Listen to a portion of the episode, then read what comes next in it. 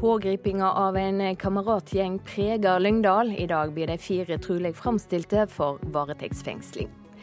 Flaumtoppen kom i natt i flere elver på Østlandet. Straks skal vi til Kongsberg for å høre hvordan det gikk. Det er tre ganger så dyrt å være bredbåndskunde i Norge i høve til Sverige. Og Charlie Hebdo-skribent forsvarer karikaturtegninger av drukna syrisk treåring. Ja, dette blir det mer om i dagens utgave av Nyhetsmorgen. I studio denne morgenen Silje Sande. En av mennene som er sikta i Tina Jørgensen-saka, skal i avhør ha forklart seg om drapet som skjedde for 15 år siden. Ifølge Stavanger Aftenblad skal forklaringa hans ha knytta de tre andre som er sikta til drapet i Stavanger. Fire kamerater med felles ungdomstid i Lyngdal er nå sikta for å stå bak drapet på Tina Jørgensen i Stavanger i år 2000. Pågripelsene preger Lyngdal, det forteller ordfører Jan Christensen. Det er klart at Ettersom dette omfanget har tatt seg opp fra å være én eh, som er pågrepet, til nå fire, så er det klart at for Lyngdal som sentrum så er det eh, en stor sak. Eh, folk snakker om dette, og, og det lekker ut stadig vekk kjennskap til disse fire personene det gjelder. De fire pågrepne befinner seg nå i arresten på politihuset i Stavanger. Det er uvisst hvor mange av de som alt har blitt avhørt, men det er bekreftet at minst ett av avhørene er utsatt til fredag morgen. Den 36 år gamle mannen som er bosatt i Kristiansand, skal avhøres klokka ti fredag. Det forteller forsvareren hans, Trond Våland, til NRK. Odd Rune Torstrup forsvarer den første av de fire som ble sikta, og han var sikker på at det ville komme flere arrestasjoner da han fikk innblikk i saken onsdag. Jeg regnet det som sikkert allerede i morges, eller forstått i, i går kveld, at disse personene ville bli pågrepet. Er det din klient som har gitt navnet til disse som nå er pågrepet? Jeg gir ingen opplysninger om hva min klient har sagt i avhør. Tina Jørgensen ble sist sett i live 24.9 år 2000 i Stavanger sentrum, og ble en måned senere funnet død i en dreneringskum ved Bore kirke på Jæren.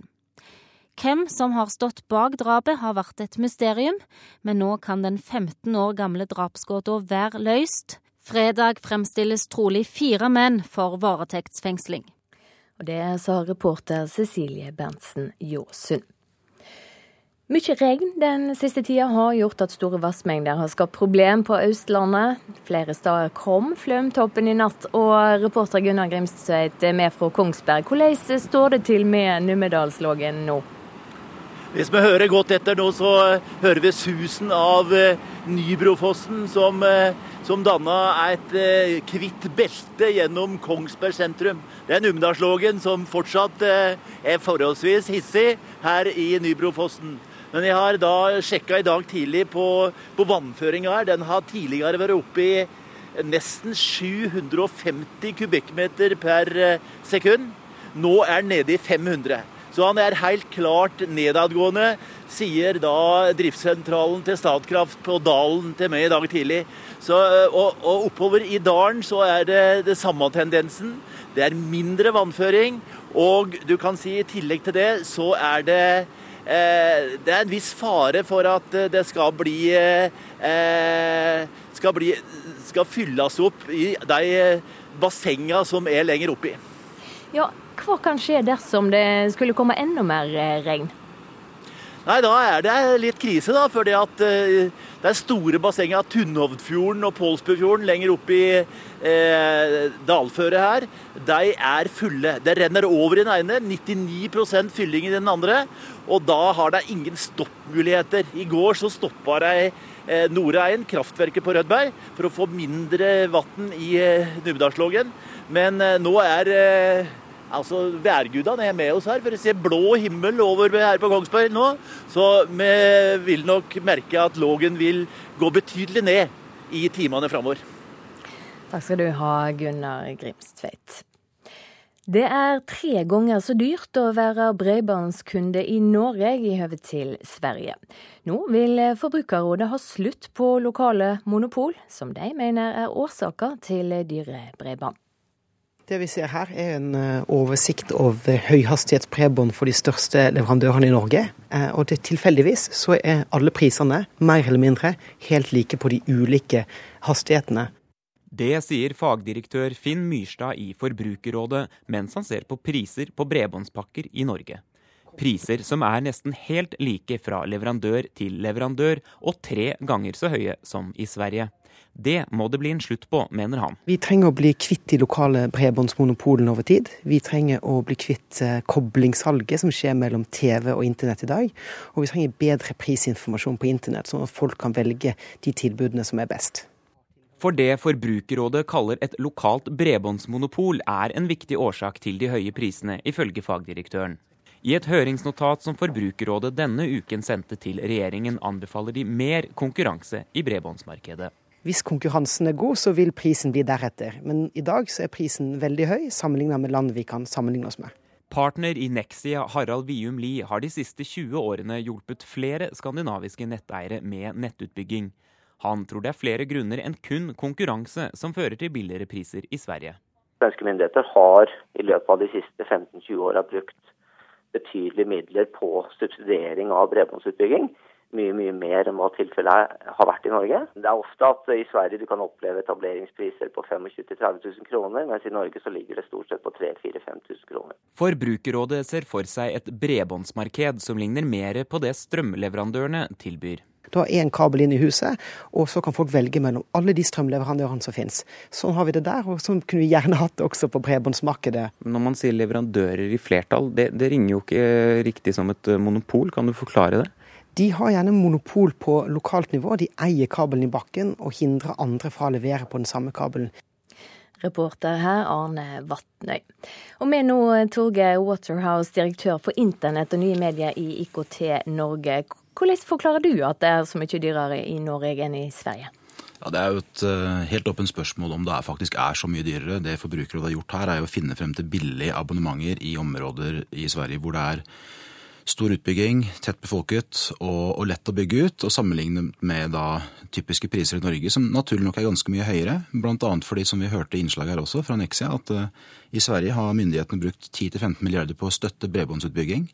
Folk bor tett, de bor på små områder. Og I tillegg så er det ekstremt høye etableringsgebyr i Sverige, som gjør at man betaler mindre per måned når man tar bredbåndet i bruk. Så sammenligningen er ikke helt god. Uh, Forbrukerrådet sa jo her land vi kan sammenligne oss med, og det er helt Eh, helt åpent om man faktisk kan sammenligne seg så direkte med Sverige som blir gjort her. Det er tøff konkurranse i Norge. Det er selvfølgelig sånn at mange steder i et land som Norge med spredt bebyggelse, så er det ikke marked for mer enn én leverandør. Ja, Forbrukerrådet mener eh, at det er et lokalt bredbåndsmonopol i Norge. Er du sammenlignet? Ja, Hvis man med monopol mener noe så enkelt som at det kun finnes én aktør, så er det mange steder det er bare én aktør. Men det er ikke så enkelt. Vi snakker her om en samfunnskritisk infrastruktur som Stortinget gjennom mange år har fortsatt å, å bekrefte at man ønsker at markedet skal bygge ut. Altså markedet bygger infrastrukturen, ikke samfunnet, som vi er kjent med fra andre områder. Og eh, mange steder i Norge så er det ikke grunnlag for at mer enn én aktør bygger. Samtidig, vi har masse store områder av Norge, Stavanger som jeg er nå f.eks., hvor det er flere aktører som tilbyr bredbånd. Ja, For valgfridom er vel viktig? Det er alltid viktig. Og så er spørsmålet på hvilket nivå skal man ha valgfridom, og til hvilken pris. Eh, det vi er opptatt av i Norge, er å få bygd ut bredbånd og få det over hele landet. Og Vi har en stor utfordring foran oss med å finansiere opp og nå ut til hele landet. Og eh, en av de mest avgjørende faktorene når det gjelder pris i Norge, og også det å få flere parallelle tilbydere, det er å få fjerna de problemene norske kommuner skaper når de i realiteten hindrer utbygging via vanskelige regler for fremføring av både kabler og oppsetting av mobilmaster. Ja, Hva bør gjøres da?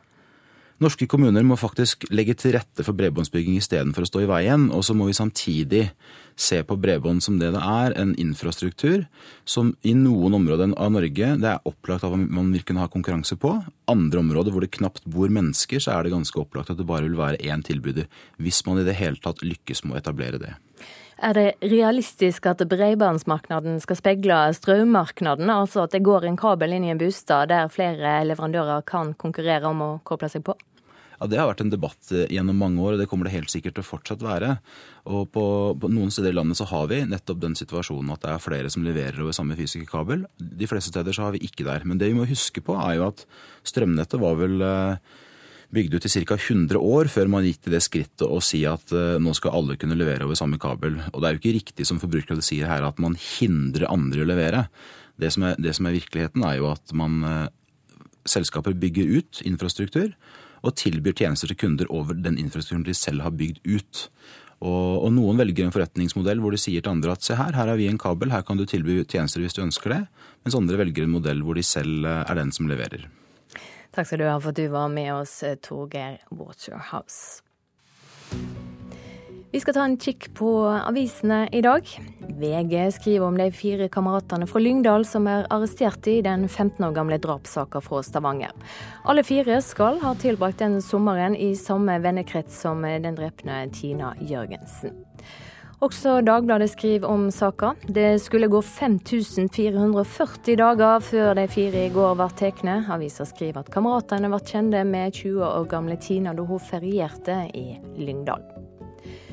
Mye av issmeltinga i Arktis skyldes ikke klimaendringer. Det skriver Aftenposten i dag. Avisa snakker med norske forskere som mener at 30% av smeltinga skyldes naturlige tilhøve.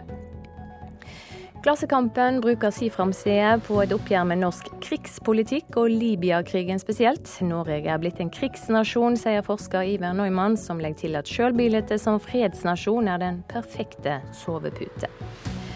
Gøy på landet for De Grønne, skriver Nasjonen i dag. Seks av de ti kommunene der Miljøpartiet De Grønne gjorde det best under kommunevalget, ligger i distrikta. Oslo var den niende beste kommunen. Regn, regn og atter regn, står det på Dagsavisens framside. Vi kommer til å se mer regn og mer intense nedbørsperioder de neste åra, varsler NVE-direktøren. Dagens Næringsliv skriver om Øystein Helle og Ole Tobias Kjølleberg, som starta selskap for tre uker siden. Nå prøver de på et selskapsraid til 24 milliarder kroner, og risikerer å bli meldet til politiet. Og Grasrota danner ny økonomi på Landås i Bergen, forteller Vårt Land. Der har naboer gått sammen om å belaste miljøet mindre, og samfunnet skaper verdier lokalt. Så skal vi ha sport og fotball, for Molde sjokkerte tyrkiske fotballstjerner i går kveld. Moldenserne rundspilte Fenerbahçe på bortebane i Istanbul i Europaligaen. Kampen ender med 3-1-siger. Etter en svært hektisk start så overtok Molde mer og mer av spillet, og Tommy Høiland åpnet Moldefesten med en perfekt straffe. Jeg måtte se bak på dommeren, for det var ikke så lett å høre om han blåste eller hva han gjorde. så måtte se at den blåste. men uh, Deilig å se den gå inn, og fantastisk innsats av guttene i dag. Jeg kommer til Istanbul og rundspiller Fenerbahçe til tider og tar vare på de mulighetene vi får. Det, det er kjekt å se at vi kan det som 50 000 skuffede tilskuere i Istanbul hadde knapt nok hørt om norske Molde og trodde dette skulle bli en enkel match. I stedet ble de knust av et godt Molde-lag.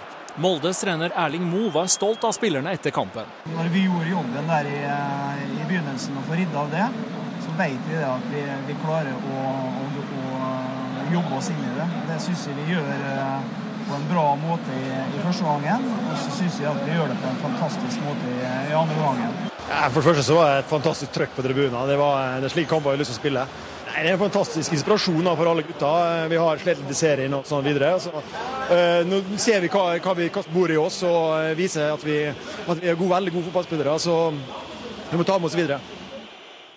Sa Daniel Berg Hestad til reporter Pål Thomassen. Også Rosenborg har spilt i Europaligaen. Laget er strålende nøyd med 2-2 på bortebane i sin første kamp i gruppespillet. Sigeren var svært nær, men det franske laget fikk straffe få minutter før slutt. Trønderne fikk med seg ett poeng hjem til Trondheim. Vi er bra på å lage litt større utfordringer enn det vi trenger. Tre minutter skårer vi etter. Det ble en uh, tøff start. Rosenborg får verst tenkelig åpning på sin første gruppespillkamp i Frankrike da Sankt Etienne skårer etter drøye tre spilte minutter. Men trønderne reiser seg raskt, og Tobias Mikkelsen sørger for balanse i resultatet omtrent 20 minutter etterpå. Etter det så ble vi veldig gode og spiller 20 minutter med veldig bra fotball. og tør mye og skårer fortjent til 1 igjen. Trener Kåre Ingebrigtsen er veldig fornøyd med lagets innsats, og det er også Jonas Svensson som sørga for at trønderne gikk opp i ledelsen i andre omgang. Han sier det er stort å være i Europaligaen. Ja, det er helt fantastisk. Og Pål snakka om det før kampen at herregud, det, her, det er det her som er kult. liksom, og Det er bare å nyte det. Eh, eh, og så var det deilig eh, at de ble litt stille, dem òg, når vi gikk opp i ledelsen, eller gikk opp i ledelsen der setter vel kanskje et lite støkk i de andre lagene vi skal møte òg. Eh, for det her er et eh, resultat som lar seg, lar seg høre. Eh, så er det bare, bare første kamp, ennå fem kamper igjen. Men vi har tre, tre hjemmekamper der vi vil stille i stand litt, litt trøbbel. Og hvis vi fortsetter å plukke poeng på bortebane, så da ser det jo bra ut. Eh, nei, det var artig. Eh, Synd vi ikke tar tre poeng, men eh, en bra bortekamp for oss. Også Alexander Sødlund mener Rosenborg har satt seg i respekt i starten av gruppespillet. Like før kampslutt får hjemmelaget straffe, og det endelige resultatet blir 2-2. Ingebrigtsen er ikke i tvil om at laget fra Trondheim hører hjemme på det her nivået. På bortebane så klarer vi å stille stand der, og som du sier, vi er, vi er jo nære å vinne hele greia. Jeg tror ikke Har de ikke fått den straffen, så skal de ha slettet med å skåre på oss. Og så, så, så fikk de jo den, og det, det er straffer. Så da Eh, da er det greit, men vi viser i dag at vi, vi har noe i et gruppespill å gjøre. Surt å være så nært å ta tre poeng? Nei, det, det, blir feil. Eh, det er strålende gjort. Eh, det er en tøff bortematch å reise herfra med, med ett poeng. Og ikke minst jeg synes den prestasjonen vi gjør, så, så er vi bare strålende fornøyd. Reporter Julie Haugen Egge. Du hører på Nyhetsmorgen i NRK P2 og Alltid nyheter. Klokka er straks eh, ti på sju. De fire som er sikta etter drapet på Tina Jørgensen, blir avhørte i dag. Ekstremværet Petra er over, men flomvarselet for Telemark er fremdeles på høyeste nivå. Forbrukerrådet vil ha slutt på lokale monopol, som de mener er årsaken til at det er langt dyrere å være bredbåndskunde i Norge enn i Sverige.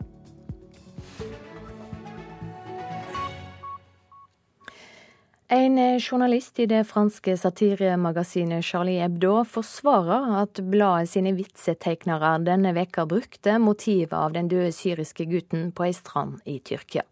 Debatten har rasa på sosiale medier, men Ebdo-skribent Sineb El Razoui, som nå er på kapittelfestival i Stavanger, mener kritikerne har misforstått. Sånn. Zineb El Rasoui snakker med sine livvakter.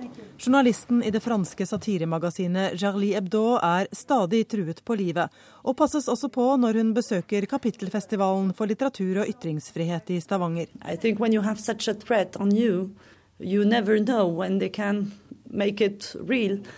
Man vet aldri når de kan gjøre alvor av truslene, sier Zineb.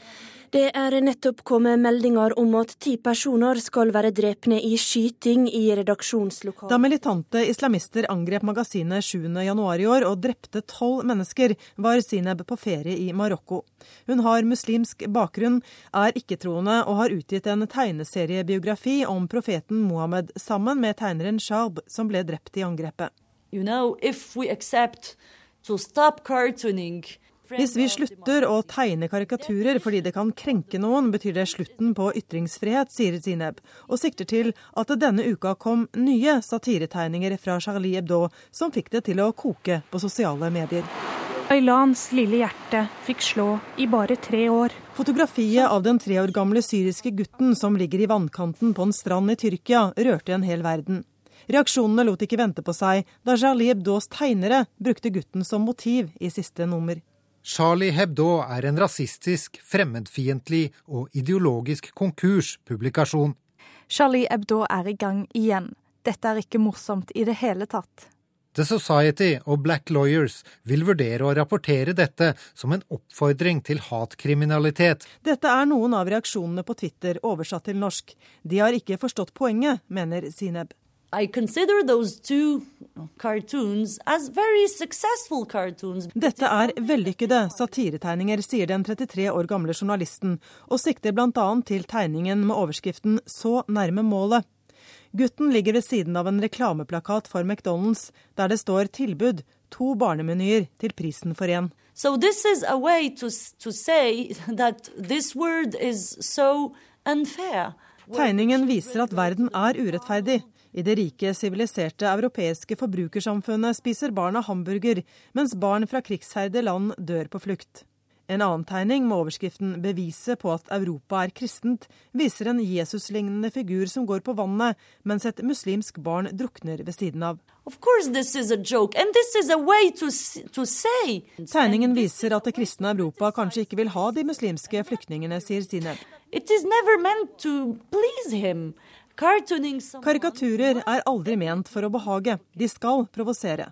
Det er jo virkeligheten folk burde bli sjokkert over, ikke karikaturene, sier kvinnen som mistet elleve kolleger i attentatet i Paris. I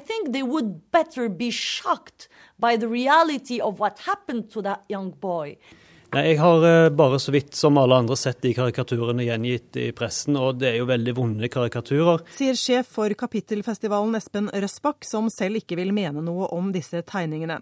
Men at det kommer reaksjoner, er han ikke overrasket over.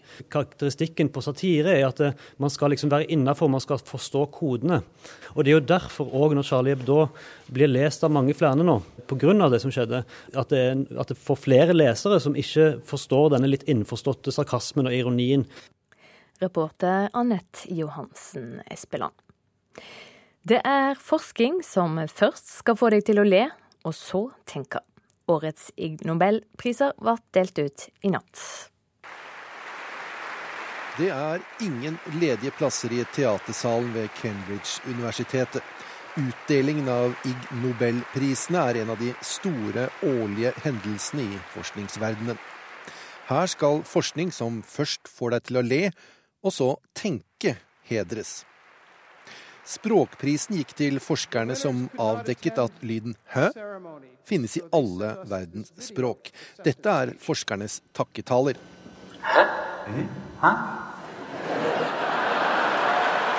When you see a small dog or a small child urinating, do you count the seconds? Mannen på scenen har et dolokk over hodet. Det er passende, fordi fysikkprisen i år går til forskerne som har studert hvor lenge pattedyr tisser. Og svaret? 21 sekunder er altså gjennomsnittet for alle pattedyr over 3 kilo. We call this the law of urination. Zing, zing, zing, what's that thing? Biediktet er for vinnerne av fysiologi- og insektprisen. Forskningen hvor vondt gjør stikkene til forskjellige insekter, og hvor gjør det mest vondt? Svaret fra en av forskerne som lot seg stikke 25 ganger av bier, er leppene, neseboret og selvfølgelig kjønnsorganet.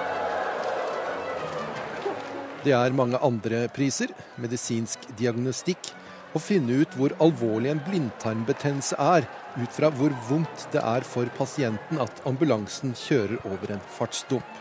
Matematikk.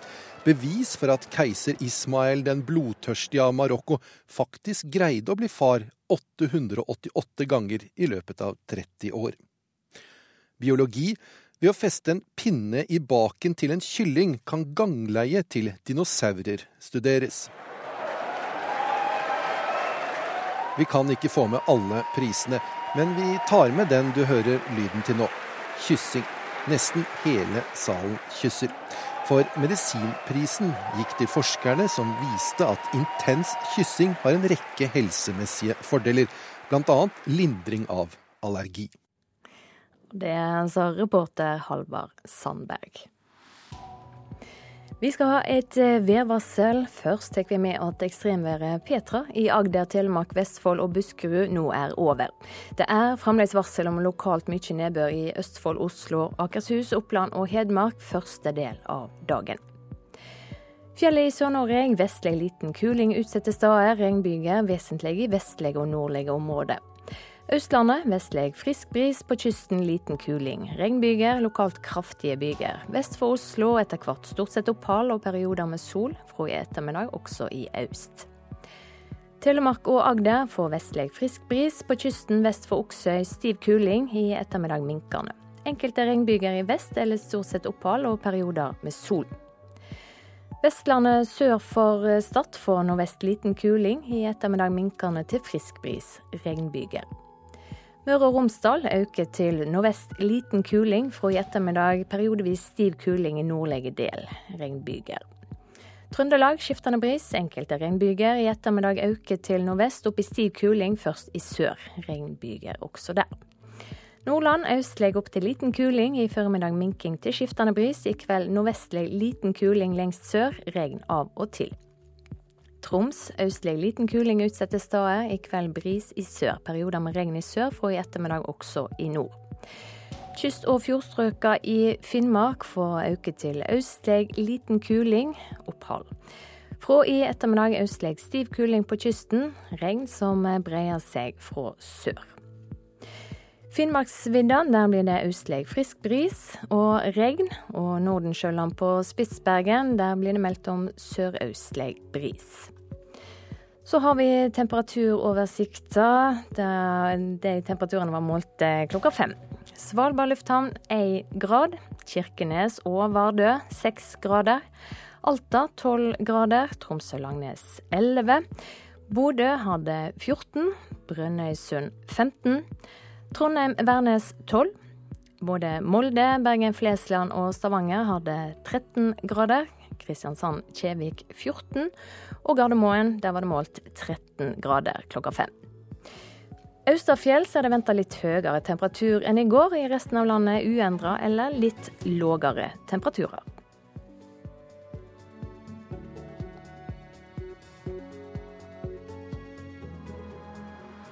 NRK P2.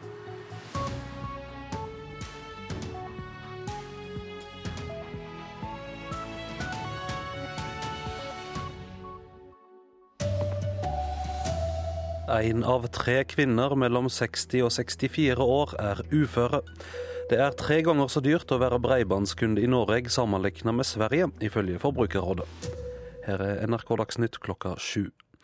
Hver tredje kvinne i Norge mellom 60 og 64 år er i dag ufør.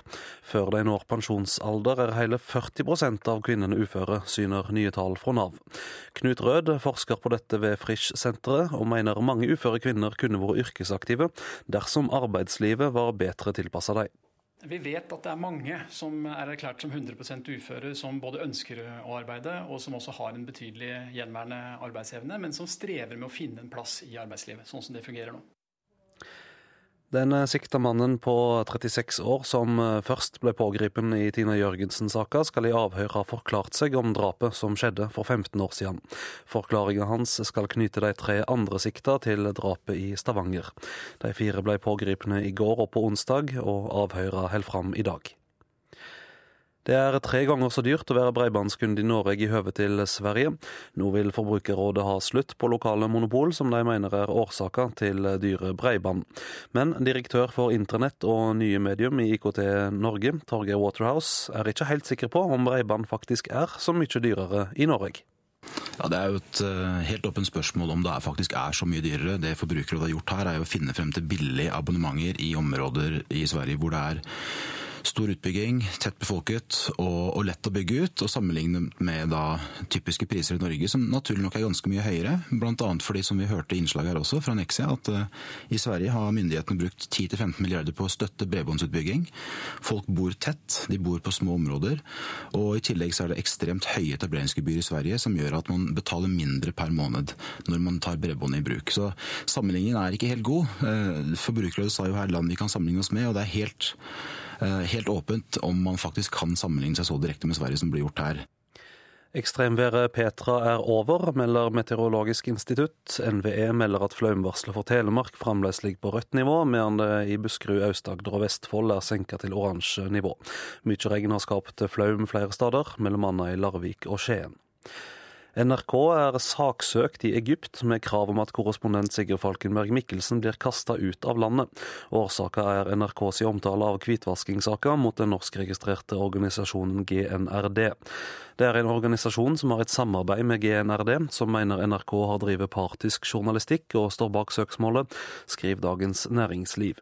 Nyhetsredaktør Per Arne Kalbakk sier NRK er kjent med søksmålet, men at det er vanskelig å finne ut akkurat hva det går ut på. NRK Dagsnytt, Vidar Eidhammer. Og her i Nyhetsmorgen blir det mer om utviklinga i den 15 år gamle drapssaka fra Stavanger. Flomvarselet for Telemark er fremdeles på høyeste nivå. Vi skal straks høre hvordan situasjonen er i Skien.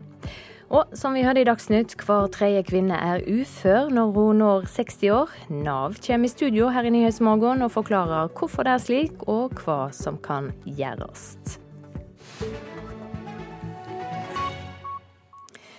Den eh, sikta mannen på 36 år som eh, i forgårs ble pågrepet i Tina Jørgensen-saka, skal i avhør ha forklart seg om drapet som skjedde for 15 år siden.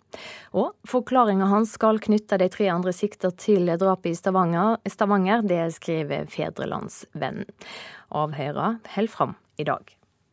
Tina Jørgensen ble sist sett i live 24.9.2000 i Stavanger sentrum, og ble en måned senere funnet død ved en kirke på Jæren.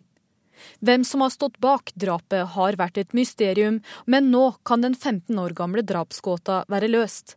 Fire kamerater med felles ungdomstid i Lyngdal i Vest-Agder er nå sikta for drap eller medvirkning til drap. I natt har mennene i 30-åra sittet i arresten på politihuset i Stavanger, og i dag blir de fremstilt for varetekt, og avhørene fortsetter. Og i natt skal den siktede 36-åringen som ble pågrepet på onsdag, ha forklart seg om drapet og ha knytta de tre andre siktede til saken. Det skriver Fedrelandsvennen. Reporter Liv Rønnaug Lilleåsen. Politiet i Oslo vet fremdeles ikke hva som har skjedd med en mann som ble angrepet på Holmlia i går og kjørt bort. Vitnet har fortalt at mannen ble slått med et jernrør. Det ble også hørt smell, og politiet utelukker ikke at dette kom fra et våpen. Politiarbeidet holder fram, sier operasjonsleder André Kråkenes. Det er jo at eh, etterforskningen pågår for fullt. Eh, de har jobba i hele natt. Både med taktisk og teknisk eh, spor. Så, men det har ikke kommet noen nye avgjørende momenter inn i saken eh, i løpet av natta. En kvinne som er pågrepet, eh, har blitt avhørt. Hva har kommet ut av det? Jeg har ikke noen detaljer fra noen avhør, så det kan jeg ikke svare på. Men så vidt jeg er bekjent, så er det ikke kommet noe nytt i, under disse avhørene. Har politiet fått noen tips, eller er det noen vitner som har meldt seg? Eh, det er ikke kjent for meg at det er kommet inn noen tips fra selve hendelsen ute eh, i Prinsdalen. Eh, så der håper vi fortsatt på at dersom det er noen som har sett noe i onsdag ved 19-tiden, så mm, setter vi pris på at den ringer. I Skien i Telemark er eh, flere personer evakuerte pga. store vassmengder. Det har regna mye i natt. Og reporter Roald Marke, du er i Skien sentrum. Hvordan er situasjonen der eh, nå? Jeg kan jo begynne med den gode nyheten. Det har slutta å regne, og snart kommer sola til å skinne her. Men noe som ikke har slutta, det er vannet som flommer ned her. Fortsetter det å stige. Og det vannet som kommer nedover nå, det er skittent. Det er mange renseanlegg som eh, rett og slett har brutt sammen, for flomvannet har trengt inn. Og nå er det mye kloakk som går urensa ut i eh, Telemarksvassdraget. Her i Skien så er eh, en skole på Skottfoss, en bydel litt utafor Skien, eh, den er helt oversvømma. Eh, de har store skader. Det er en barnehage på bakken her helt nede i Skien. Den er stengt. Et tjuetalls personer fikk i natt eh, tilbud om å flytte ut. Og de ble, ja, om ikke akkurat evakuert, så, så ble de i hvert fall uh, flytta. Og som vi snakka om, uh, det er mye graving og drenering og ekstra arbeid som uh, pågår. Eh, om lag ni veier i Nedre Telemark er fremdeles stengt. Det gjelder også E134 oppe i Hjartdal, der den brua holdt på å knekke sammen. Og jeg har med meg fylkesberedskapssjef Jan Ruud. Hva kan du si om eh, situasjonen i Telemark nå?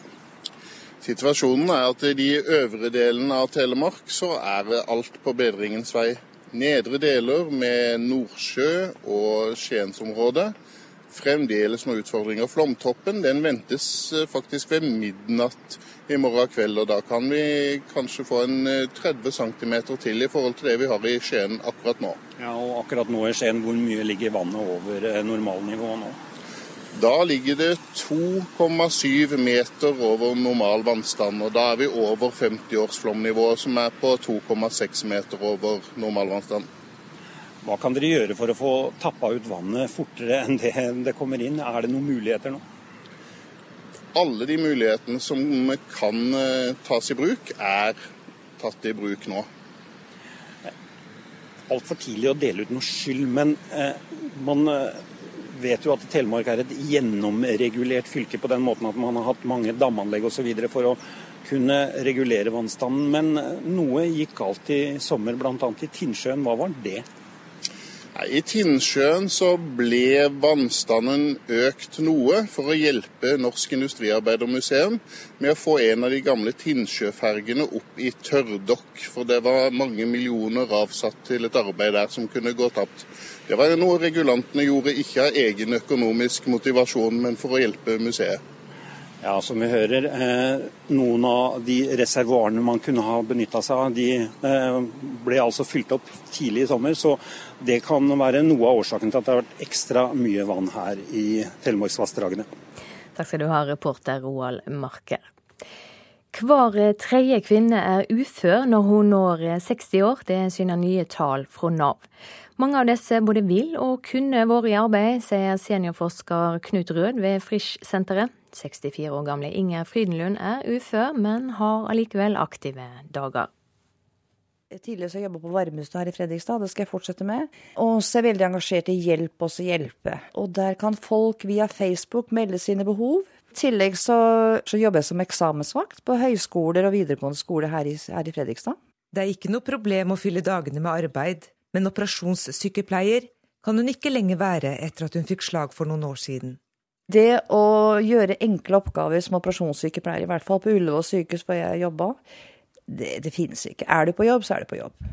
Men lettere arbeid kunne Inger Frydlund godt ha gjort. Altså Det jeg virkelig er god til, det er å undervise i anatomi, f.eks. Det er min yndlingsfag.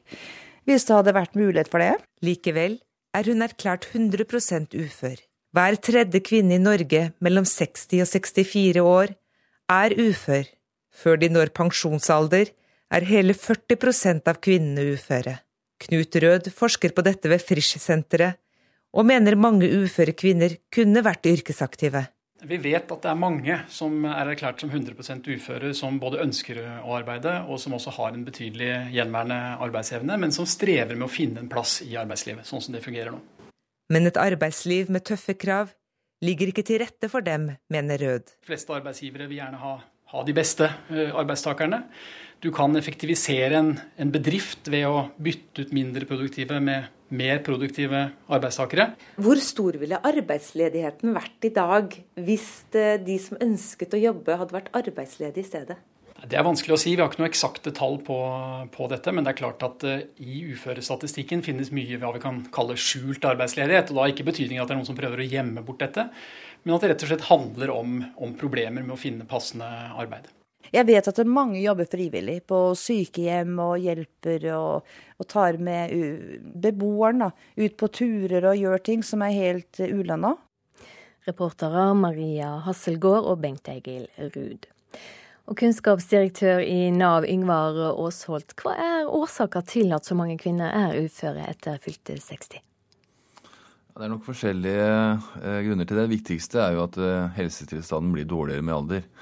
Det er den grunnleggende forklaringen. Eh, og så eh, er det store forskjeller også rundt omkring i Norge. så Forhold som næringsstruktur, alderssammensetning, eh, utdanningsnivå er med og påvirker de samla uføretallene også.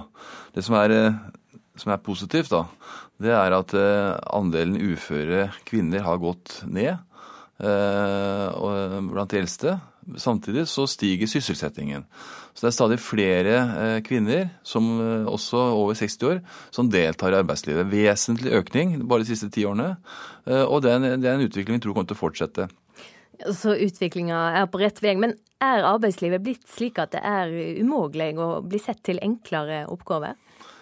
Ja, det er nok riktig som Knut Rød fra Frisenteret er inne på, at det er nok en del arbeidsplasser som nå stiller såpass store krav at det kan være vanskelig å komme inn eh, på arbeidsmarkedet.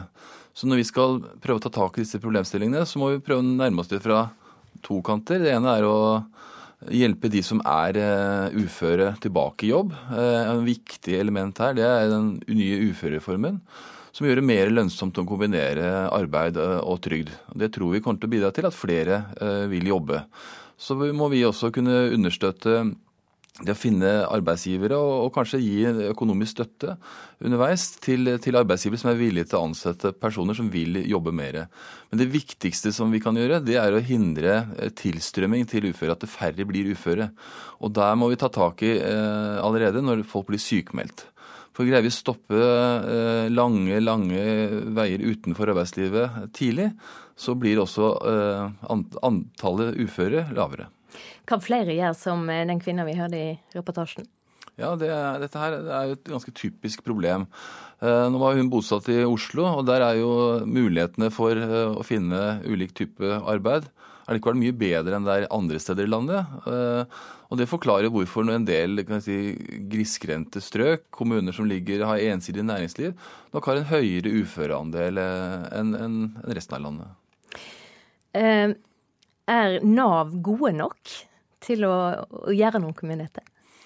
Altså, vi må jo ta det som jeg sa fra flere sider. Vi, eh, vi har eh, jobber veldig mye nå ved å redusere lengden på sykemeldinger. Det er det aller viktigste vi kan bidra med over tid. Uh, og vi ser at her er det mye å hente. Det har vært for lange sykemeldinger. Legene skriver ut for lange sykemeldinger. Nav har ikke vært oppmerksomme nok, og arbeidsgiver har ikke tilrettelagt på en god nok måte. Så det vi prøver å gjøre nå, det er at eh, hvis du er sykemeldt i mer enn to måneder, så eh, tar vi ordentlig tak i situasjonen. Eh, og, og, da skal det spesielle grunner til for at man skal kunne gå lengre sykemeldt. Og Da må arbeidsgiver også tilrettelegge på arbeidsplassen, og der kan Nav gi støtte. Og Det ser vi konkret, at det reduserer sykefravær, og det reduserer da antallet som fortsetter innover i trygdesystemet og til slutt vil ende opp som uføretrygdede. Men det er kanskje ikke bare bare for arbeidsgivere å legge til rette når tidene er slik det er? Nei, nå er jo eh, situasjonen på arbeidsmarkedet eh, ganske forskjellig rundt omkring i landet. Eh, og fremdeles er det sånn at arbeidslivet i de fleste deler av Norge er, er veldig godt. Så hvis det liksom er noen gang i historien vi skulle kunne klare å få dette til i de fleste fylker, så er det jo den perioden som vi nå har litt bak oss, og de årene som sannsynligvis kommer også, som, hvor det vil være mulig å få dette til. hvis man gjør de riktige tingene.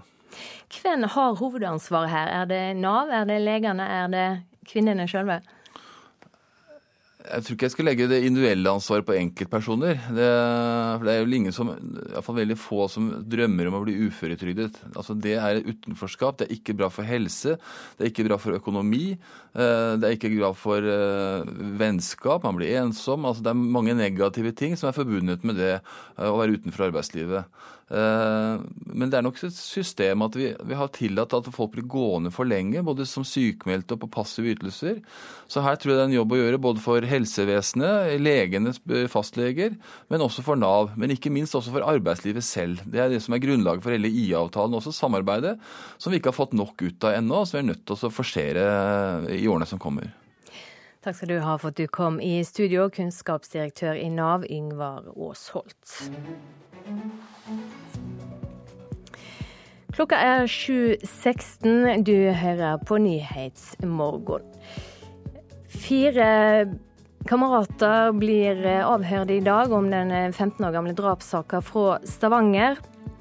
Flaumvarselet for Telemark er fremdeles på høyeste nivå, og som vi nett hørte, hver tredje kvinne er ufør når hun fyller 60 år.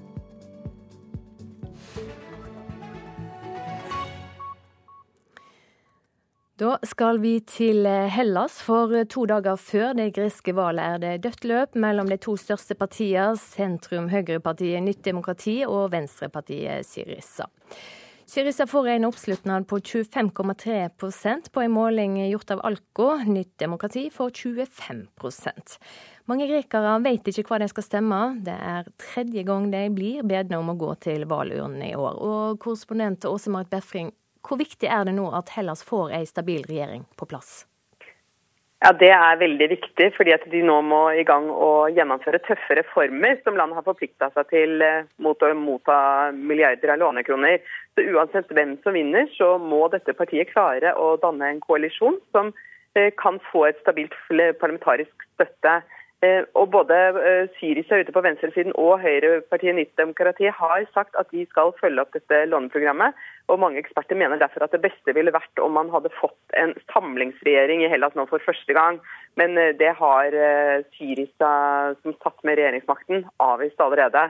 Men når de nå skal i gang med tøffe kår, så blir det, blir det vanskelig for dem hvis de ikke klarer å få nok parlamentarisk støtte. og Det man kan risikere da, er at det, det går mot enda eh, et valg i løpet av året. Ja, tidligere statsminister Alexis Tsipras har vært veldig populær inntil for bare noen uker siden. Hva er grunnen til at han, han nå ser ut til å ha mista mange velgere?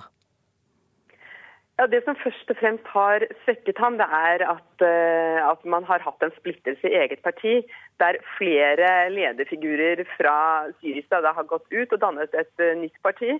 Uh, det har svekket ham voldsomt. Men samtidig så er det også det at folk er veldig desillusjonerte. Alexis Tsipras han solgte håp om en bedre fremtid under valget i januar, der han vant med overveldende flertall. Altså han fikk 36 prosentpoeng bak seg, prosent bak seg. Men eh, nå så har han ikke noe håp eh, å selge. fordi at Uansett hvem som vinner dette valget, så vet folk at de kommer til å få det vanskeligere i hverdagen. Hellas er jo kanskje det landet som er hardest råka av eh, flyktningkatastrofen. I hva grad preger det valgkampen? Ja, Det har selvfølgelig vært en viktig sak under denne korte valgkampen. Eh, fordi at 250 eh, 000 flyktninger har kommet til Hellas. Det er mange mange ganger flere enn i fjor. Eh, så både høyrepartiet Nytt demokrati og det nynazistiske Gylden daggry har brukt situasjonen til å kritisere det tidligere regjeringspartiet Syriza, som alle trodde ville seile inn som den store vinneren her. Nytt demokrati har dermed også klatret oppover på meningsmålinger, har for første gang kommet best ut på flere meningsmålinger. Eh, og også Gyllent daggry altså, ligger, ligger nå an til å bli landets tredje største parti. Takk skal du ha, korrespondent Åse Marit Befring. Til eh, Thailand nå, for der vekker det reaksjoner at flere soldater fikk ordre om å knuse mobiltelefonene sine med store steiner. Bruk av eh, private mobiltelefoner i tjenester er forbudt for thailandske soldater. Straffa for å gjøre det likevel koster soldatene dyrt, og det hele ble filma.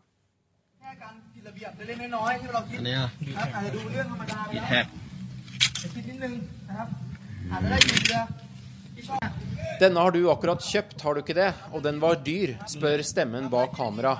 Mens et titalls soldater står på rekke med hver sin store steinblokk foran føttene. Og en dyr smarttelefon av ulikt merke. En sang Mm, iPhone. Soldatene blir beordret til å regelrett knuse sine elektroniske kjæledegger med en stein, som straff for å ha brukt mobiltelefonen mens de var i tjeneste.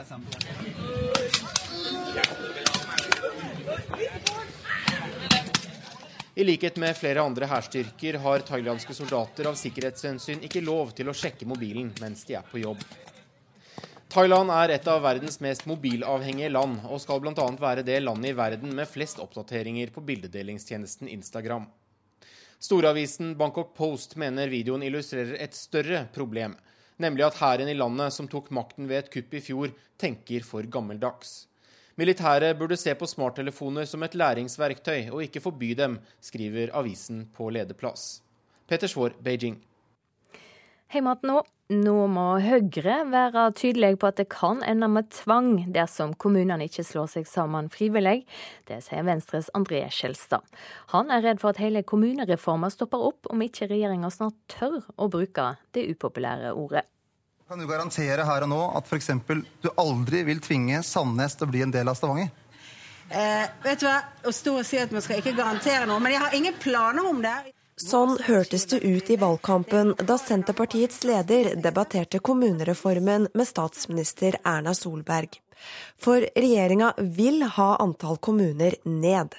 Men så langt har bare tre gjort vedtak om sammenslåing. Og av 14 14 folkeavstemninger under valget var det bare én kommune som sa et tydelig ja. Jeg syns det ting tar for lang tid. Sier Venstres André Skjelstad, som frykter at hele kommunereformen snart stopper opp. Jeg syns at en del av nabopraten har bare blitt bare veldig løselig prat, og mange bare driver en utredning nå for bare å tro at det her går over. Men det er signalet tydelig for oss, at ting går ikke over. Og det må også Høyre være enda tydeligere på framover. For resultatet kan bli tvang om kommunene ikke får fart på seg. Det burde Høyre snakke litt høyere om, mener Skjelstad. Da hjelper det å påpeke det at eh, hvis det her ikke i så fall eh, får en materialisering der det er naturlig, så må Stortinget bruke styringsretten sin, som vil bety å tvinge kommunene sammen. Men det sitter langt inne å bruke ordet tvang for Høyres kommunepolitiske talsperson Frank Jensen. Når det gjelder spørsmålet om Stortinget skal overstyre lokale beslutninger, så legger vi i utgangspunktet til grunn at vi får de beste sammenslutningene når kommunene sjøl finner sammen. Hva hvis det ikke blir flere kommuner som finner sammen enn det som vi ser i dag? Kommunereformen er laga for at vi skal få til mest mulig kommunestruktur. At kommunene skal ha hovedansvaret for å finne den nye kommunestrukturen. Vi tegner ikke kartet i Oslo. Motstanden mot bl.a. kommunereformen er trolig noe av årsaken til Senterpartiets fremgang i valget. Det bekymrer likevel ikke Skjelstad. Altså, vi kan ikke hele tida kikke på det som er strategisk eh, i nuet. Eh, jeg tror at eh, vi er nødt til å se noe hva faktisk landet har behov for, og landet har et behov for noe å gjøre også kommunene større. Reporter Anne Mone Nordahl. Arbeiderpartiet og Kristelig Folkeparti har funnet hverandre en rekke steder i landet etter lokalvalget. Både i Bergen og i Grimstad, og i fylkeskommunene Hordaland og Sogn og Fjordane skal de røde og gule styre sammen de neste fire åra. Dette bør ha rikspolitisk interesse, sier fylkesordfører i Sogn og Fjordane, Åshild Kjelsnes fra Arbeiderpartiet. Forhåpentligvis så vil det vise det at det er ei god blokk som har funnet sammen. Jeg eh, tror nok det at eh, de som sitter i regjeringskontorene, ikke har akkurat en god dag på jobben akkurat nå. I Sogn og Fjordane og mange andre plasser i landet har Kristelig Folkeparti snudd ryggen til de borgerlige partiene og gått inn i samarbeid med Arbeiderpartiet. Etter lokalvalget på mandag skal KrF i Sogn og Fjordane styre fylkespolitikken i lag med SV, Senterpartiet og altså Ap. Vi ser at den erfaringa vi har fra forrige periode, så er det de vi har eh, stemt mest i lag med. Sier fylkesleder i KrF Trude Brasvik. Sogn og Fjordane KrF har hele tida vært litt eh, skeptisk og litt avventende til det samarbeidet med Høyre og Frp på riksplan. og eh, har gitt det til kjenne innover i vårt eget parti. KrF har valgt å samarbeide med Ap òg i kommuner som Bergen, Lindås, Finnøy, Grimstad og Hordaland fylkeskommune, i tillegg til altså Sogn og Fjordane fylkeskommune. Jeg syns konstellasjonen i Sogn og Fjordane er interessant. Sier partisekretær i Ap Kjersti Stenseng. Konstellasjonen i Hordaland er interessant, og det jeg har sagt er jo at det er jo til god inspirasjon nå, først og fremst for å skape gode samarbeidsplattformer i kommunevalget, men det er jo òg det for den veien som skal legges fram mot 2017. For regjeringspartiene Høyre og Frp ble lokalvalgsresultatene dyster lesnad. Aps åpenlyse flørting med KrF i valgkampen kan derfor være godt nytt for partileder Knut Arild Hareide. Et større press på Erna Solberg øker sjansene for politiske gjennomslag, slik Hareide ser det. KrF-lederen vil derimot ikke svare på Ap sine frieri før partiet hans har tatt stilling i 2017. Jeg syns det er flott at eh, KrF kommer i posisjon i Sogn og Fjordane, i Hordaland eh, og nå sannsynligvis òg i Bergen. Og eh, KrF er et sentrumsparti. Det vil si at enkelte kommuner nå så får jeg tilbakemeldinger om at vi samarbeider med Arbeiderpartiet og Senterpartiet. Andre plasser får jeg beskjed om at vi samarbeider med Høyre og Venstre. Dersom Sogn og Fjordane skulle bli ei prøvekanin for et rød-grønn-gult samarbeid i rikspolitikken, er det i så fall ikke første gangen. Også for det rød-grønne regjeringssamarbeidet var vestlandsfylket en prøveklut, sier avtroppende fylkesordfører Kjelsnes. Det er jo faktisk en parallell, for vi eh, starta jo det rød-grønne samarbeidet to år før det eh, skjedde på riksplan. Eh, og det var nok en, en reaksjon på det som den borgerlige regjeringa da, den politikken de førte. Ja, reporter her, det var Nora Pedersen. Og dette temaet blir det mer om i Politisk kvarter, Håvard Grønli. Det blir det, for både KrF og Venstre velger nå samarbeid med Arbeiderpartiet en rekke steder etter valget. I Politisk kvarter spør vi om hvorfor de gjør det. Vi har med oss KrF fra Bergen, og vi har med oss Venstre fra Trondheim. Og vi utfordrer dem da også på om de ikke har et visst ansvar for det borgerlige samarbeidet. Takk skal du ha, programleder i Politisk kvarter, altså, Håvard Grønli. Du hører på Nyhetsmorgen i reportasjen etter Dagsnytt. Straks skal vi til Mexico, for neste helg er det ett år siden 43 studenter bare forsvant. Produsent for Nyhetsmorgen i dag det er Tonje Grimstad. I studio Silje Sande. Har du tips eller kommentarer, send oss veldig gjerne en e-post til adressa 03030 krøllalfa nrk.no.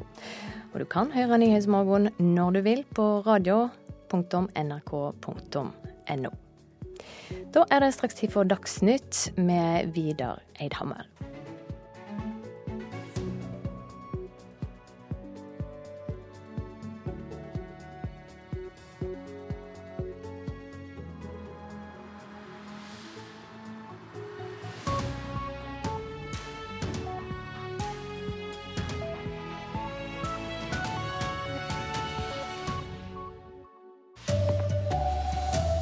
En av de sikta i Tina Jørgensen-saka har i avhør knytta de tre andre sikta til saka.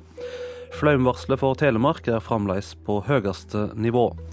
Hver tredje kvinne mellom 60 og 64 år er ufør. Her er NRK Dagsnytt klokka 7.30.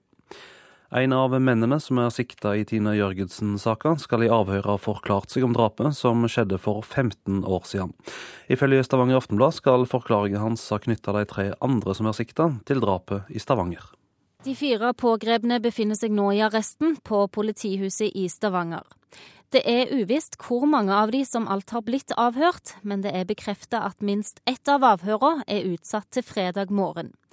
Odd Rune Torstrup forsvarer den første av de fire som ble sikta, og han var sikker på at det ville komme flere arrestasjoner da han fikk innblikk i saken onsdag. Jeg regnet det som sikkert allerede i morges, eller for så vidt i, i går kveld, at disse personene ville bli pågrepet.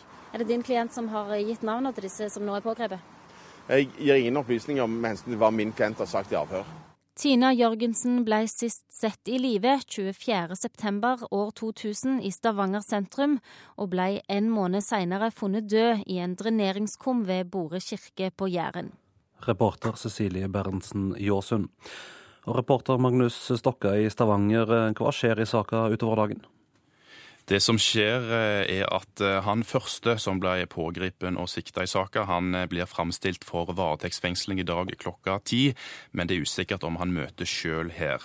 Han andre, som melder seg sjøl for politiet i Kristiansand, er ikke avhørt, men han blir trolig avhørt klokka ti i dag, etter at avhøret ble utsatt i går kveld. De to andre som ble arrestert i Lyngdal, er trolig avhørt eh, i natt. Politiet vet vi ønsker å framstille alle de tre andre, altså samtlige fire, for varetektsfengsling eh, i dag. Og alle fire sikta er nå i arresten, eh, sitter nå i arresten på politistasjonen i Stavanger. Vi har også med oss reporter Lars Eie. Hva vet vi om disse fire som er sikta? Ja, det vi vet er at De fire beskrives som en eh, vennegjeng som har holdt sammen i uh, mange år.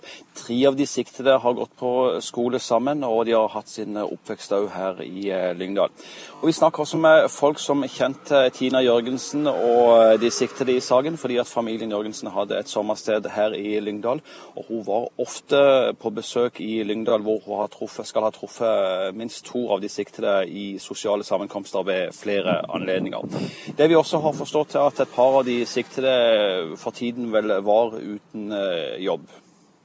Hvordan er reaksjonene i Lyngdal på pågripingene? Ja, Reaksjonen har jo skal vi si, blitt sterkere etter hvert, eh, iallfall eh, etter gårsdagen, etter hvert som det ble eh, kjent at flere ble pågrepet. De vi snakka med som, som, også har kjent både Jørgensen og de sikta, ble svært overraska over utviklinga i denne saken. Dette er jo da en kommune med 8000 innbyggere. og Folk spør seg jo virkelig om er dette tilfellet, er det sånn det egentlig er? Takk skal du ha, reporter Lars Eie i eh, Lyngdal. Ekstremværet Petra er over, melder Meteorologisk institutt, men det er fremdeles flaumfare mange steder. I Skien i Telemark er flere personer evakuerte. Og reporter Roald Marker, du er i Skien sentrum, og hvordan er ståa?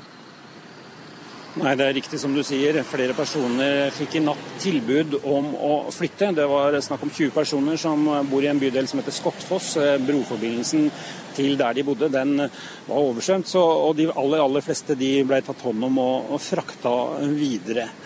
Eh, når det gjelder situasjonen ellers, så er den gode nyheten at nå ser jeg sola begynner å skinne og regnet har stoppa. Men flomvannet det har ikke stoppa. Det kommer til å fortsette å stige her i Skien regner faktisk ikke med at de når flomtoppen før midnatt i morgen. Og For å illustrere litt, vi har alle sett bilder fra Kongsberg og den voldsomme fossen som går der.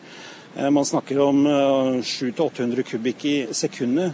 Det vannet som skal ned gjennom Telemarksvassdraget og ende opp i Skien, det er altså dobbelt så stort. Så det er mye vann som skal ned hit til Skien før i morgen midnatt. Utenom disse store vassmengdene, hva kan være årsaker til at flaumen har råket Skien såpass hardt? Altså, Det er vanskelig å dele ut noe skyld, men i sommer så ble Tinnsjøen, et stort vannmagasin, fylt opp ekstra mye for å hjelpe en gammel ferge opp i en tørrdokk. Den skulle da inn til reparasjon, og det var viktig å få gjort dette i år. Nå sier Nikolai Østhus, som er direktør i Øst-Telemarken brukseierforening, til Telemarksavisa da, at det skulle vi aldri ha gjort. Da hadde man hatt noen reserver å fylle opp eh, noe av det vannet her. Men det er klart det er jo ikke bare det som er skylda. Været har vært ekstremt i Telemark nå de siste fire-fem dagene. Kort til slutt, eh, vet du når de evakuerte kan få flytte hjem igjen? Nei, det er litt usikkert. Men i og med at vannet fortsetter å stige, så betyr det vel det at den broa de må bruke, den er vel ikke tørr enda, så det kan jo ennå ta noe tid før de får flytte hjem. Takk skal du ha, reporter Roald Marker i Skien. Hver tredje kvinne mellom 60 og 64 år er ufør, det syner tall fra Nav. Mange av dem både vil og kunne ha vært i arbeid, sier seniorforsker Knut Rød ved forskningsstiftinga Frisch-senteret. 64 år gamle Inger Frydenlund er ufør, men har aktive dager tidligere så jobba på Varmestad her i Fredrikstad, det skal jeg fortsette med. Og så er jeg veldig engasjert i Hjelp oss å hjelpe. Og der kan folk via Facebook melde sine behov. I tillegg så, så jobber jeg som eksamensvakt på høyskoler og videregående skole her i, her i Fredrikstad. Det er ikke noe problem å fylle dagene med ulike aktiviteter. Men operasjonssykepleieren skulle gjerne brukt kunnskapene sine. Altså Det jeg virkelig er god til, det er å undervise i anatomi, f.eks. Det er min yndlingsfag. Hvis det hadde vært mulighet for det. Likevel er hun erklært 100% ufør, men operasjonssykepleier kan hun ikke lenger være etter at hun fikk slag for noen år siden. Hver tredje kvinne i Norge mellom 60 og 64 år er ufør. Før de når pensjonsalder, er hele 40% av kvinnene uføre. Knut Rød forsker på dette ved Frisch-senteret, og mener mange uføre kvinner kunne vært yrkesaktive. Vi vet at det er mange som er erklært som 100% uføre, som både ønsker å arbeide, og som også har en betydelig gjenværende arbeidsevne, men som strever med å finne en plass i arbeidslivet, sånn som det fungerer nå. Når arbeidsmarkedet er tøft og de tilpassede jobbene få, havner flere over i uførestatistikken. Det bekrefter kunnskapsdirektør Yngve Aasholt i Nav. Hans medisin mot de høye uføretallene er klar. Det viktigste eh, som vi kan gjøre, det er å sørge for at færre blir gående lenge på helserelaterte ytelser utenfor arbeidsmarkedet. Det å intensivere arbeidet med sykefraværsoppfølging, eh, det å mobilisere arbeidsgivere, eh, stille krav, eh, få legene til å redusere sykemeldingslengde osv., det er kanskje de aller viktigste tingene som vi jobber med i dag. Reportere Maria Hasselgaard og Bengt Egil Ruud. Et redningshelikopter og mannskap fra politi, brannvesen og Røde Kors leter etter en savna mann i 50-åra i Førde. Mannen var på tur med hunden i går kveld, men kom ikke tilbake, og han ble meldt savna like over midnatt. Det er tre ganger så dyrt å være bredbåndskunde i Norge som i Sverige, og nå vil Forbrukerrådet ha en slutt på lokale monopol, som de mener er årsaka til den høye prisen. Det vi ser her er en eh, oversikt over høyhastighetsbredbånd for de største leverandørene i Norge. Eh, og det tilfeldigvis så er alle prisene mer eller mindre helt like på de ulike hastighetene. Det sier fagdirektør Finn Myrstad i Forbrukerrådet mens han ser på priser på bredbåndspakker i Norge. Priser som er nesten helt like fra leverandør til leverandør, og tre ganger så høye som i Sverige. Det må det bli en slutt på, mener han. Vi trenger å bli kvitt de lokale bredbåndsmonopolene over tid. Vi trenger å bli kvitt eh, koblingssalget som skjer mellom TV og internett i dag. Og vi trenger bedre prisinformasjon på internett, sånn at folk kan velge de tilbudene som er best. For det Forbrukerrådet kaller et lokalt bredbåndsmonopol, er en viktig årsak til de høye prisene, ifølge fagdirektøren. I et høringsnotat som Forbrukerrådet denne uken sendte til regjeringen, anbefaler de mer konkurranse i bredbåndsmarkedet. Hvis konkurransen er god, så vil prisen bli deretter. Men i dag så er prisen veldig høy sammenlignet med land vi kan sammenligne oss med. Partner i Nexia, Harald Vium Lie, har de siste 20 årene hjulpet flere skandinaviske netteiere med nettutbygging. Han tror det er flere grunner enn kun konkurranse som fører til billigere priser i Sverige. Svenske myndigheter har i løpet av de siste 15-20 åra brukt betydelige midler på subsidiering av bredbåndsutbygging. Mye, mye mer enn hva tilfellet har vært i Norge reporter Arne Vatnøy. Og interesseorganisasjonen for næringa, IKT Norge, sier det er flere årsaker til eh, forskjellene, som infrastruktur og mangel på statlige subsidier, som IKT Norge mener er vanskelig å gjøre noe med. Ansvarlig for eh, sendinga Erlend Rønneberg, produsent Hanne Lunås. Her i studio Vidar Eidhammer.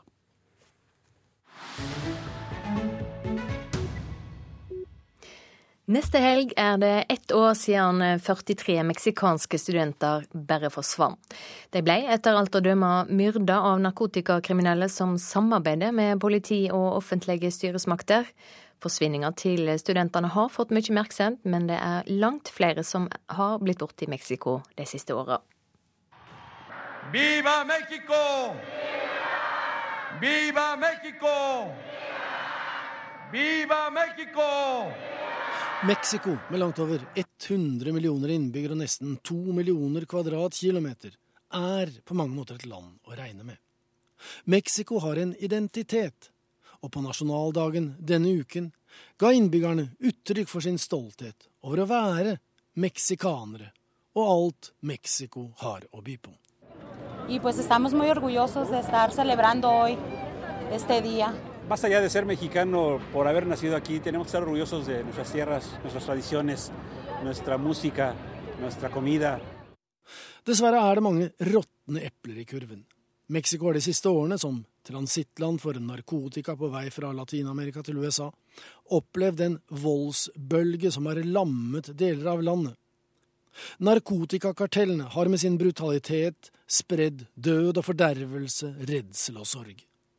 Mørketallene er store. Men kanskje så mange som 120 000 skal være drept siden myndighetene satte hardt mot hardt i den såkalte narkokrigen for snart ti år siden. Og mer enn 25 000 er bare såkalt savnet, sannsynligvis likvidert. En av dem er Bernice Navarijo Segura. Moren vet ingenting. Nunca supimos qué, qué había pasado en realidad y desde esa fecha pues nosotros no sabemos nada de ellos. Rosa aner ikke hva som skjedde. Datteren var 19 år gammel og forsvant, sammen med kjæresten sin, den dagen det var avslutningsfest på videregående. Familien har ikke fått vite noe om hva som skjedde. Hasta esta fecha no tenemos noticias, son más de dos años. Nosotros no sabemos nada de ellos. Rosa sitter med et bilde av datteren Bernice, og som hun sier, det er ikke bare dem.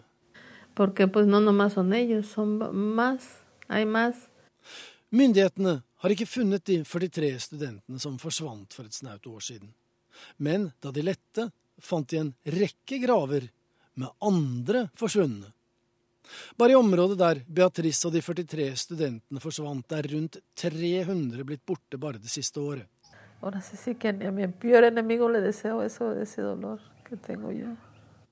For Rosa er sorgen og uvissheten nesten uutholdelig.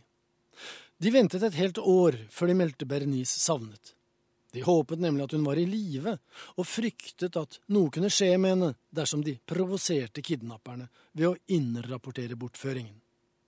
Politiet i byen Cocola i Guerrero visste uansett, etter alt å dømme, om ugjerningen.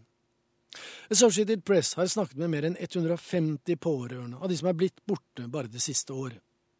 De har alle likelydende historier. Det var først da de 43 studentenes politiassisterte forsvinning ble kjent via internasjonale medier, at det skjedde noe lokalt. Men bare noe. For lite har skjedd, og ingenting er forandret. Og det er fremdeles bred enighet om at Mexico er et flott land der heltene, fedrelandet og friheten dyrkes.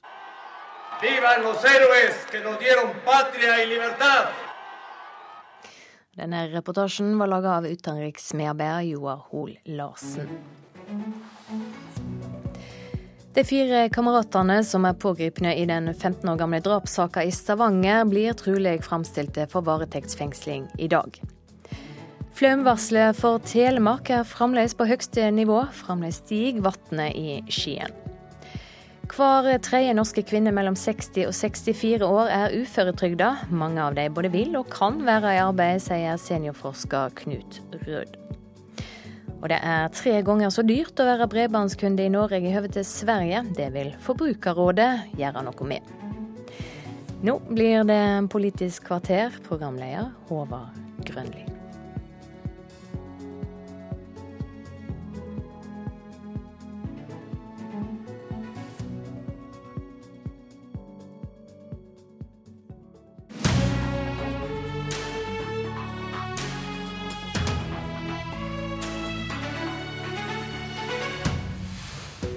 Sentrumspartiene KrF og Venstre vender seg mot Arbeiderpartiet i en rekke kommuner.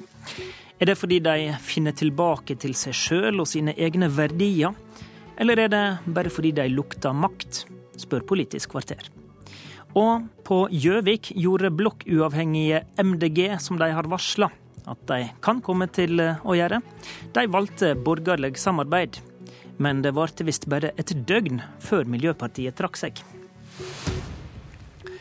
Er det amatørenes inntogsmarsj vi hører, spør vi i slutten av denne sendinga. Men først. Etter valget finner KrF sammen med Arbeiderpartiet i ei rekke kommuner og fylker. Rogaland, Hordaland, Sogn og Fjordane. Trondheim kjenner vi fra før, mens Ålesund og Bergen nå er ferskere eksempel. Mens vi snakker her i Politisk kvarter, så holder KrF og Ap fram med byrådsforhandlingene i Bergen. Det er en prosess du kjenner godt. Pål Kårbø, fylkesleder i Hordaland KrF, god morgen. God morgen. Du blir da fylkesvaraordfører for KrF i Hordaland, etter å ha inngått samarbeid med Ap, som får ordføreren, og til og med SV inngår i det samarbeidet. Hvorfor får KrF mer igjen for å samarbeide med Ap og venstresida enn med Høyre i Bergen og Hordaland nå? Ja, for oss i KrF så har det dreid, om, dreid, seg om gjennomslag for våre politiske saker. Det det på en måte negative ordet i dette er jo å få makt. Det positive ordet er politisk gjennomslag. Er ikke det bra med makt? Makt er bra, men makt skal brukes til politisk gjennomslag for programmet sitt. Og I den sammenhengen så er det KrF i fylket har landa på denne måten. Eh, og når det gjelder Bergen, så er jo de i i det som heter sonderinger. Og jeg har lyst til å bare ta kort om hva er sonderinger. For det, det handler ikke om å lure andre partier til å bli enige med seg sjøl. Det rett slett, handler rett og slett om å erkjenne andre partier deres program og deres politiske saker, og se om man kan i fellesskap få en, en felles politisk plattform. Bergenspolitikerne sier, og du for så vidt, sier dette har vært en prosess med å finne tilbake til sentrumsverdiene. Hva ligger i det? Ja, For oss eh, dreier sentrumsverdiene seg om for KrF sin del å se menneskeverdet, løfte de som sliter i samfunnet, eh, og òg eh, kommer klima og miljø inn i dette. At vi tenker hvordan kan vi klare å få en endring eh, innenfor miljøpolitikken, og hvordan, eller hva, med hva samarbeid tror vi at vi får best gjennomslag for det. Er det slik at en får det bedre til da, med å samarbeide med venstresida i politikken? Ja, Sånn som situasjonen er nå, så er det vår vurdering. Og så er det jo også sånn at Vi har alle gått til valg. og både i Bergen og Hordaland så har velgerne gitt et veldig klart mandat og en, en klar endring eller dreining av tyngdene i politikken. God morgen, Jon Gunnes, Venstres førstekandidat ved valget i Trondheim. Ja, takk for det. Har du de samme resonnementene som KrF-eren vi hører fra Bergen her, om hvor du får mest gjennomslag? Ja, Venstre har uh, gått med på dette samarbeidet i Trondheim nå uh, fordi at vi har lyst til å ha innflytelse på budsjettet i Trondheim. Det er det som denne samarbeidsavtalen uh, dreier seg om. Det er å få budsjett. I tolv år så har Venstre vært i vandra i ørkenen uten å ha fått gjennomslag for ei krone på budsjettet sitt, selv om det har vært seriøst sammen med Høyre. Så har, ser vi nå at vi bør få samarbeid med de andre sentrumspartiene, og ikke minst få mer venstrepolitikk inn i Trondheim. Du er, du er altså overraskende med i, eh, og Venstre er med i ordfører eh, Rita Otterviks såkalte regnbueallianse. Men altså det jeg lurte på, er det, er det slik at du føler du får mer igjen eh, av Venstre sine verdier med et samarbeid til den sida? Foreløpig under forhandlingene så syns vi vi fikk godt gjennomslag. Selvfølgelig får det vise seg når vi skal nå sette oss ned og lage budsjetter eh, i de neste årene, om vi klarer å utnytte det dette. Men eh, vi skal i hvert fall jobbe hardt for å prøve å få eh, politikken inn mot sentrum, og enda mer venstrepolitikk inn. Du står ikke særlig høyt i kurs hos Høyre om dagen, hvis vi skal tro regionale medier. Hvorfor har du vendt det borgerlige prosjektet ryggen? da? Nei, Høyre har hatt et meget godt samarbeid med i eh, de siste fire årene. Vi har laga budsjett sammen, og vi har samarbeida veldig godt. Og uh, har hatt veldig gode relasjoner. Men Frp har vi slett ikke samarbeida med i det hele tatt. Og jeg må jo si at uh, den siste månedens valgkamp uh, med flyktningpolitikken, hvor f.eks. både Høyre og Venstre var helt klar på at Trondheim skulle være med på dugnaden i forhold til å ta imot flere flyktninger, hvor Frp meldte seg helt ut. Så mot Høyre har vi hatt et godt samarbeid, men eh, jeg tror ikke Høyre er helt overraska over at eh, Venstre eh, velger denne måten nå, fordi at det har vært varsla ganske lenge at vi kunne tenke oss det hvis, hvis ja, det, utfallet av valget ble slik det ble. Er det fellesskapet med Frp som blir så vrient at du heller vil se den andre veien? Ja, fellesskapet Vi ser ikke at vi klarer å få noe flertall på borgerlig side i Trondheim. Vi er langt fra flertall, og eh, vi har ikke tenkt å samarbeide med det Frp som, eh, som opererer i Trondheim i dag. Hvordan ser dette ut for KrF i Bergen, Korbe? Ja, jeg hører det som blir sagt fra Trondheim, og, og deler den tilnærmingen eh, veldig sterkt. For det er nok òg eh, en del av utfordringen vår her. Altså Høyre er ett parti og Frp et annet parti. Du må ut av FrPs favn? Jo, men realiteten er på våre saker innenfor mottak av flyktninger, og eh, ikke minst søndagsåpen, som er jo en nasjonal sak, men som òg ble en viktig lokalsak. Og så hadde vi på en måte en sak som spissa dette veldig kraftig helt på slutten av valgkampen, når fungerende ordfører i Bergen, Tor Voldseth fra Frp, eh, går ut på Facebook på den måten han gjør. og Man så jo at vår toppkandidat Dag Inge Ulstein han gikk i, han gikk i, han isk, han gikk i taket, bokstavelig talt. Men eh, selv om eh, livet med Frp er vanskelig, du er jo sjøl en av de som ivrer for regjeringsskifte. Kjenner ikke du et visst ansvar for å bidra til å holde sammen det samarbeidsprosjektet på borgerlig side, da? Jo, absolutt. Og da jeg må ta mitt ansvar for, for mine standpunkt i 2013.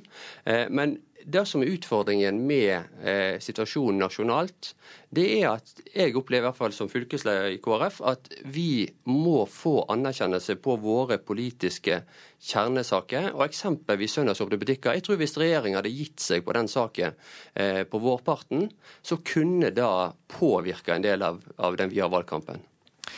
I, i Trondheim, Gunnes, eh, er ikke det slik at eh, Ap de må jo gni seg grundig i hendene nå når sentrumspartiene i de største byene i, i realiteten nesten frasier seg muligheter til å kritisere Ap fram mot 2017? Nei, det tror jeg ikke. fordi at det er mange saker som Nå er dere jo på lag. Ja, men det er mange saker som ligger utenfor eh, budsjett. Og eh, vi står veldig fritt i mange, mange saker. Og man må jo være klar over at eh, Venstre har jo samarbeida med Arbeiderpartiet om Miljøpakken, som er et suksesshistorie i Trondheim de siste fem-seks årene. Og eh, sånn at vi vet litt om hvordan vi både skal kunne påvirke og få innflytelse. Men det er klart at vi skal være fortsatt kritiske til at Arbeiderpartiet er så stort, og at de ikke får tar til seg all makt. og Det er derfor vi tror at vi sammen med de andre sentrumspartiene Jeg oppfatter jo også at MDG opererer som et sentrumsparti nå, og sammen da også med Senterpartiet og Kristelig Folkeparti i Trondheim, så skal vi klare å påvirke politikken i retning Jo, men når du velger den sida du gjør, så må jo din politiske retorikk framover gå mer mot Høyre eh, og til forsvar for Ap? Ja, men jeg tror at Høyre skal vi klare å håndtere veldig godt. Men å ha en retorikk da mot både mer de radikale, kanskje SV, som er med i, i, i samarbeidet her. Men det er klart at her har vi muligheter for å ha en eh, forskjellig linje i mange forskjellige saker. Kårbø i Bergen, når dere har tatt disse strategiske valgene, kan Bergen og Hordaland KrF overhodet da være talspersoner for fortsatt nasjonalt samarbeid på høyresida fram mot 2017? Ja, I hvert fall i, i, prosessen vår fram mot dette, så har og dette har jeg også snakket med Knut Arild Hareide om, altså vi gjør våre tilnærminger nå i forbindelse med kommune- og fylkestingsvalget. Eh, og så antar jeg vi har, vi har landsstyret allerede kommende, eller neste, neste, helg. Og jeg regner jo med at eh, vi der begynner debatten fram mot 2017. Og så har jeg bare lyst til å si en Jo, men, men det jeg lurer på, binder ikke disse lokale valgene litt eh, hvordan dere kan argumentere strategisk også på, i, inn i rikspolitikken? Ja, De binder ikke, men jeg skjønner selvfølgelig at det, ja, det påvirker. Ja, ja. Så bare en liten ting for å nyansere forskjellen på, på, Trondheim og Bergen. Altså, Det blir sagt veldig mye at man vil ha en budsjettavtale i Trondheim. Eh, I Bergen er det jo parlamentarisme, og det gir nok gjerne utfordringer litt større når man nå sitter i de sonderingene og begynnende forhandlinger. For det handler om å danne by-regjering. Eh, hvordan den ender, har vært spennende å se. Men det handler ikke om en formannskapsmodell. Det er litt viktig å ha med seg i denne diskusjonen. Får vi flere nyheter om det politiske samarbeidet i Bergen i løpet av dagen, Korbø? Eh, ikke som jeg vet, men du får nyheter, og jeg tror de blir gode. Vi følger med. Takk til Pål Kårbø i Bergen, og takk til Jon Gunnes i Trondheim.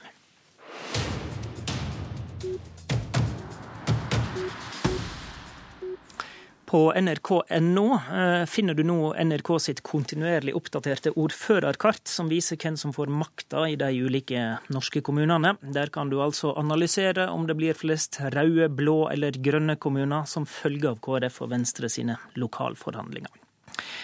Gjøvik kommune, som har vært styrt av Arbeiderpartiet siden krigen, hadde fått grønn senterpartifarge i vårt første utkast til ordførerkartet. For slik hørtes det ut på Gjøvik i forgårs. Det var Senterpartileder Trygve Slagsvold Vedum sin gjenkjennelige latter. Han hadde tatt veien til Gjøvik for å gratulere lokalpartiet med ordførerposten der. Men etter et døgn med politisk dramatikk ble det klart at avtalen som sikra Sp-ordfører er stranda, og nå er det helt uvisst hvem som skal styre. Det som skjedde etter valget, var at Senterpartiet vendte ryggen til sin alliansepartner gjennom åtte år, Ap, og rekordkjapt forhandla fram en 20-punktsplan sammen med hele borgerlig side. Avgjørende tunge på vektskåla for å få flertall var Miljøpartiet De Grønne sitt ene mandat. Men i går sa MDGs lokallag at de trekker seg fra denne avtalen. God morgen, styremedlem i Gjøvik MDG, Yngve Fjelstad. Ja, god morgen. Du er valgt til talsperson for partiet i denne saka nå. Hvorfor trakk MDG seg fra avtalen med Senterpartiet og borgerlig side? Vi trakk oss ikke, men vi anser det som at det har ikke vært en god prosess for å få fram en avtale som lyser av våre grønne saker, i hvert fall. Det som er viktig for oss i Gjøvik, er å få til et grønt skifte og få fram hva vi står for dem. Og det lyser klart av, av avtalen. Her har den ikke vært brukt, det har ikke vært brukt nok tid. Og det, en, det må være en avtale som alle partier får tatt seg god tid til å gå gjennom. Ok, Men, men du sier dere ikke trakk dere, men den, den, den er ikke endelig ennå, altså?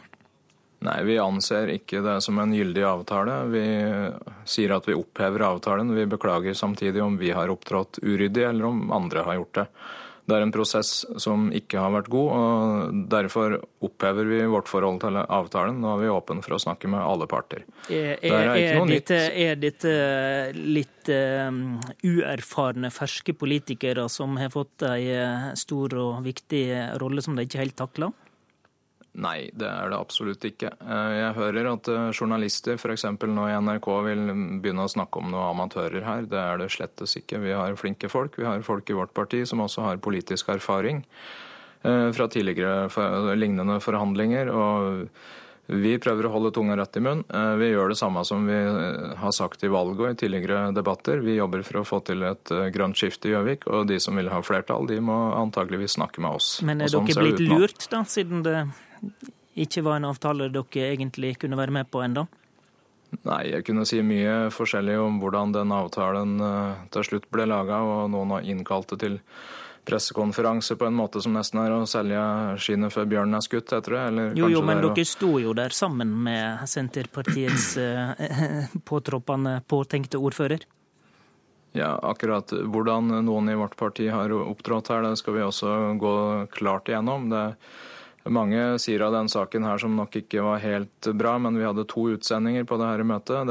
Den ene var ikke med på den avsluttende skriftlige prosessen og heller ikke vært med å skrive under avtalen. Og Her må vi klare å opptre alle sammen, vi hadde, men vi har hatt flere møter i forkant, så det her kom ikke noe, som noe stor, stort sjokk på oss hvordan det skjedde, men det har skjedd altfor fort. Men At det har gått veldig fort i svingene, det beklager vi, men det bør også andre beklage. Hvem bør beklage det? Ja, de, de, som har stått som, de som har prøvd å stått bak her og trukket i tråder og presse på veldig hardt for å få gjennom den avtalen, de burde ha forstått hele tiden at så fort kan det ikke gå. Hvem støtter da, dere nå, da? da vil, dere, vil dere støtte borgerlig side, eller vil dere støtte Arbeiderpartiet? Vi er et blokkuavhengig parti. Vi jobber for eh, grønne saker. Vi følger vår egen grønne akse. Vi er verken tydelig venstresideparti og heller ikke borgerlig. Du vil ikke svare enda på hvem dere støtter? Vi har sagt i pressemelding vi sendte ut i går at nå stiller vi med blanke ark. Nå er vi åpne for å snakke med alle parter. Takk til deg. Politisk kvarter var ved Håvard Grønli. Hør flere podkaster på nrk.no podkast.